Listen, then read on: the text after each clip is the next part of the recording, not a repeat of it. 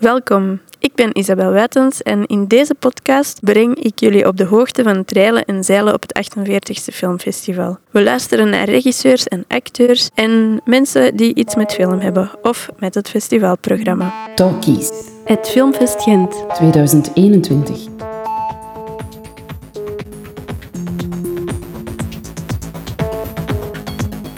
In deze aflevering hoor je de Portugese regisseur Miguel Gomes en actrice Krista Alfayet over hun lockdownfilm The Tsugua Diaries.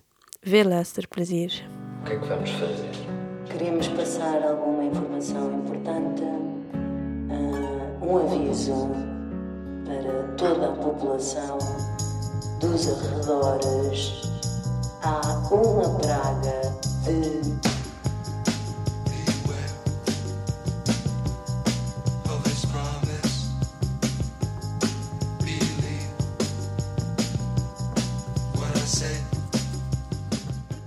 we asked Miguel and Maureen to um, to come to our house, which is nearby, and we said, "Come over. Let's let's break this a little bit."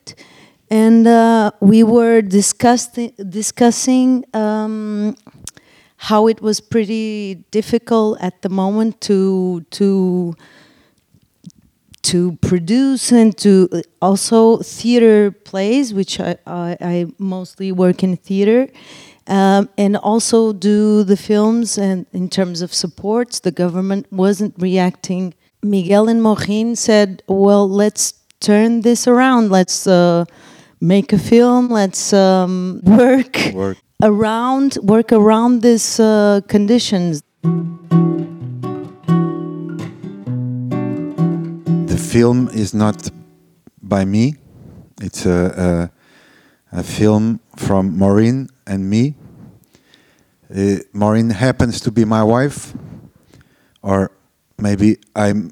It happens that I'm her husband, and uh, and so we lived the lockdown like uh, many people inside the, our house, and so we start to think what kind of film is possible to make now with this pandemic going on. And uh, we came to the conclusion that it would be possible if we get a house, if we made the tests, and we would go in and make a film. We didn't have much time to do it because Maureen, she was pregnant and we wanted to do a, a film very quick.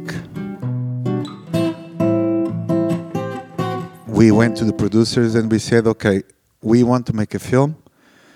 Um, we don't have time to make a script, so there is no script, there is no way to finance this film. So you have uh, to get to try to invent a way to make it possible. We want to shoot it on film. We don't want to make one of these films with a smartphone. My smartphone, I don't have even a smartphone. I have a stupid phone. It's not smart at all. So I cannot shoot films like this. For me, the idea of making a film is to be with other people uh, to be with technicians, to be with actors. It can be a small crew. But the idea of making a film was precisely the opposite of that time we were living.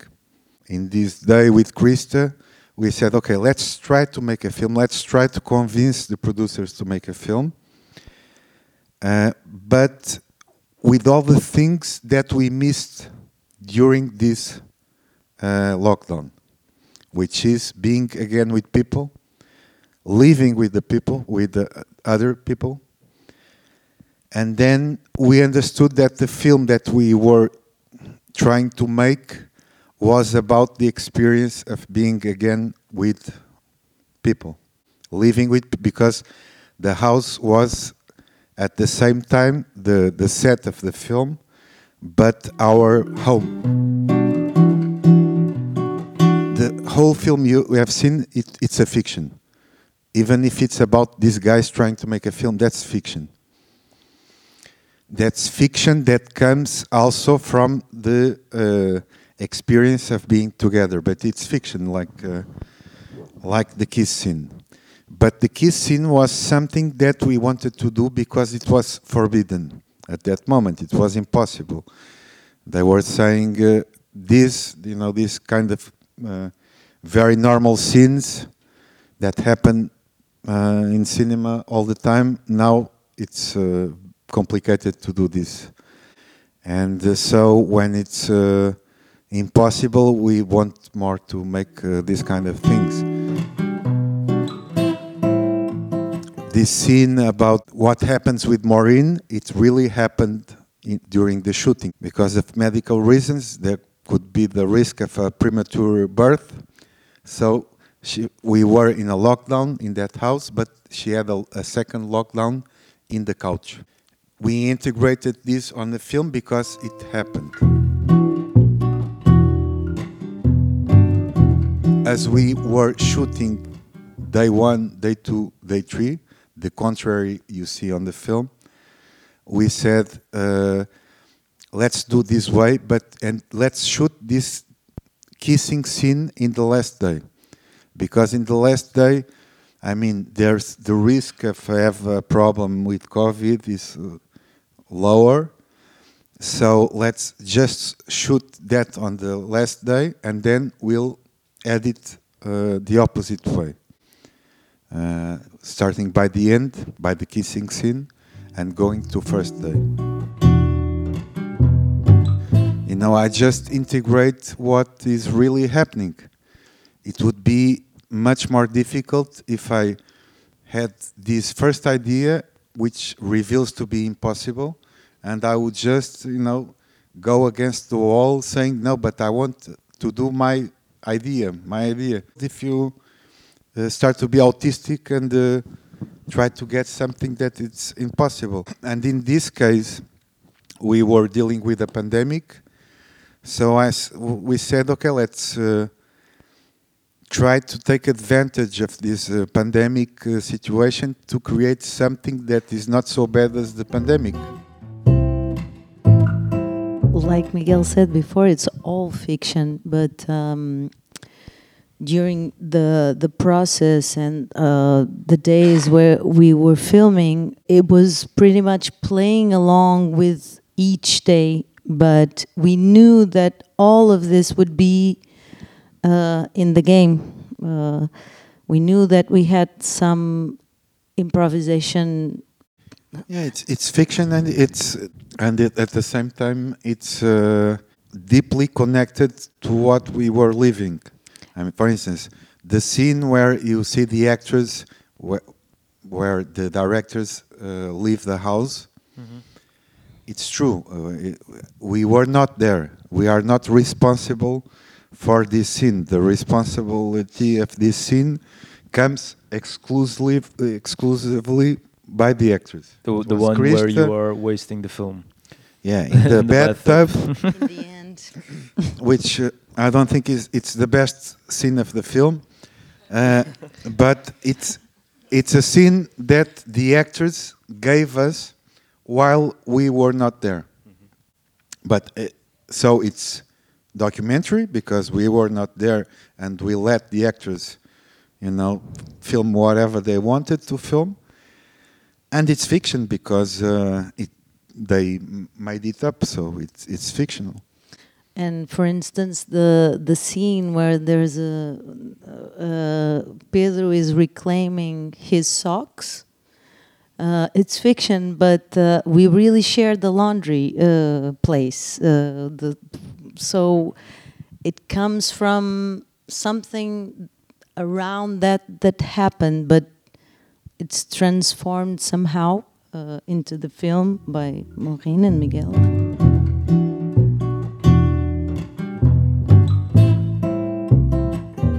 And normally, I, I we have always some rules for making a film because I think that a film is also a product of whatever is the method you use to to shoot it.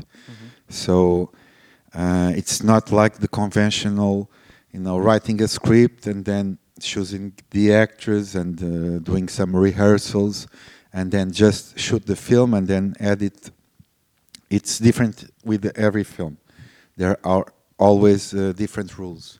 Mostly, it's uh, uh, the game is between the film and you and the, the viewers. For instance, this thing of having the film going backwards in time. And so there are two films. There is the chronological film, only in the mind of, of the viewer, and there is the film on the screen. And I think that give two films to the viewer is more interesting than only give one. This implies that the viewer is participating on the film, which for me is very important. Uh, I get uh, sometimes frustrated because uh, I think that I'm too much passive. The place that the film gives me as a viewer is very passive uh, place. I, so I try to compensate that, trying to come up with ways to giving the viewer something where he can be more active. Construction of the film was taking place during the shooting. And so everyone was involved. I think the crew was, uh, you know, writing the script sometimes without knowing they were writing the script. Uh, for instance, this uh, discussion near the end, very political, ph- philosophical discussion about uh, breakfast. Uh, when me and Maureen we explained what uh, we thought uh, would be our work with everyone in this film, we opened up to questions, and these two guys they had re- really the discussion about breakfast. So we said, okay, this uh, these guys they don't care about how we are going to make the film. They are they are uh, you know concerned with breakfast, and maybe they it, there is a good reason for that, and this is part of the film. And so the crew was giving us the script, the scenes, even without knowing.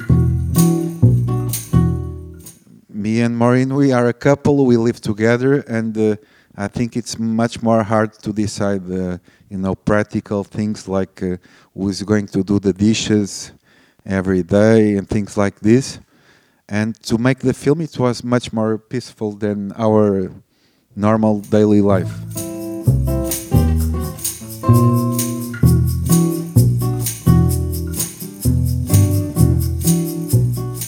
and it really depended how, what was the mood of the actors that day. So there were days that uh, they came and they were silent, and uh, we said, okay, let's do this in silence. And there were days where they were talking all the time. This is real fiction, and um, this came up as an idea, and all I- mean, all three of us were like, "No, we're good with the process." Uh, no, but you, but there's complaints about uh, things that uh, you should do, but no, it's okay, it's fine by us. Yeah, but we need to have this. Uh, okay, so what should we be complaining about? Because it's fine, but yeah, but the characters, but I, am not, I'm not in eager for a character. It's okay, it's fine.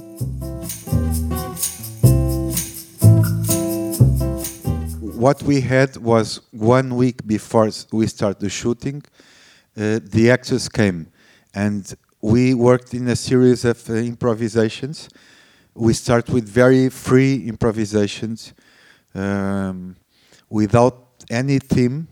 So they were just, you know, talking to each other and uh, doing stuff, and we were writing what they were saying.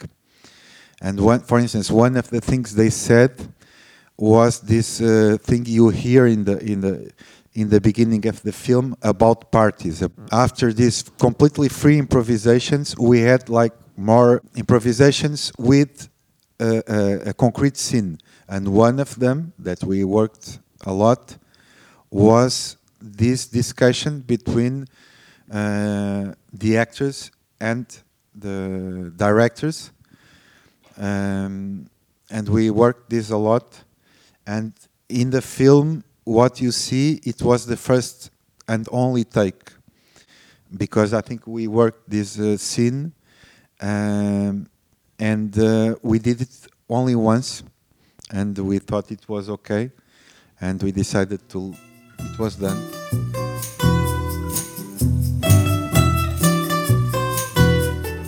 Carloto brought his dogs. Are, these two dogs are really from him. This van is also from him. The surfboard is also from, from him. So we asked people to bring things from their uh, own life to the film, to inside that house. And so this is how Carloto see himself in this film. We had uh, like a deal, don't mention your names. But of course, you know, they were spending all day improvising and uh, saying, okay, give me the hammer because I have to put this uh, piece of wood here and I have to, I need the, the hammer. And there was a moment where they were saying, Carloto, come on, give me the hammer. We could not avoid this. And, uh, and then I, I, I thought, okay, this is, is right. Of course, they have to call themselves by their names because the characters that exist are not other characters, are only themselves. And a kiss. That's the only fiction that uh, exists. And but all the rest themselves in that film, it's also fiction. It's another kind of fiction, but it's also fiction.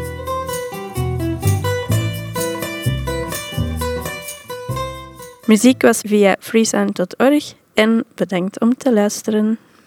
Deze podcast is een samenwerking tussen Filmfest Gent en Isabel Wuitens. Abonneer je en krijg een melding als er een nieuwe aflevering beschikbaar is.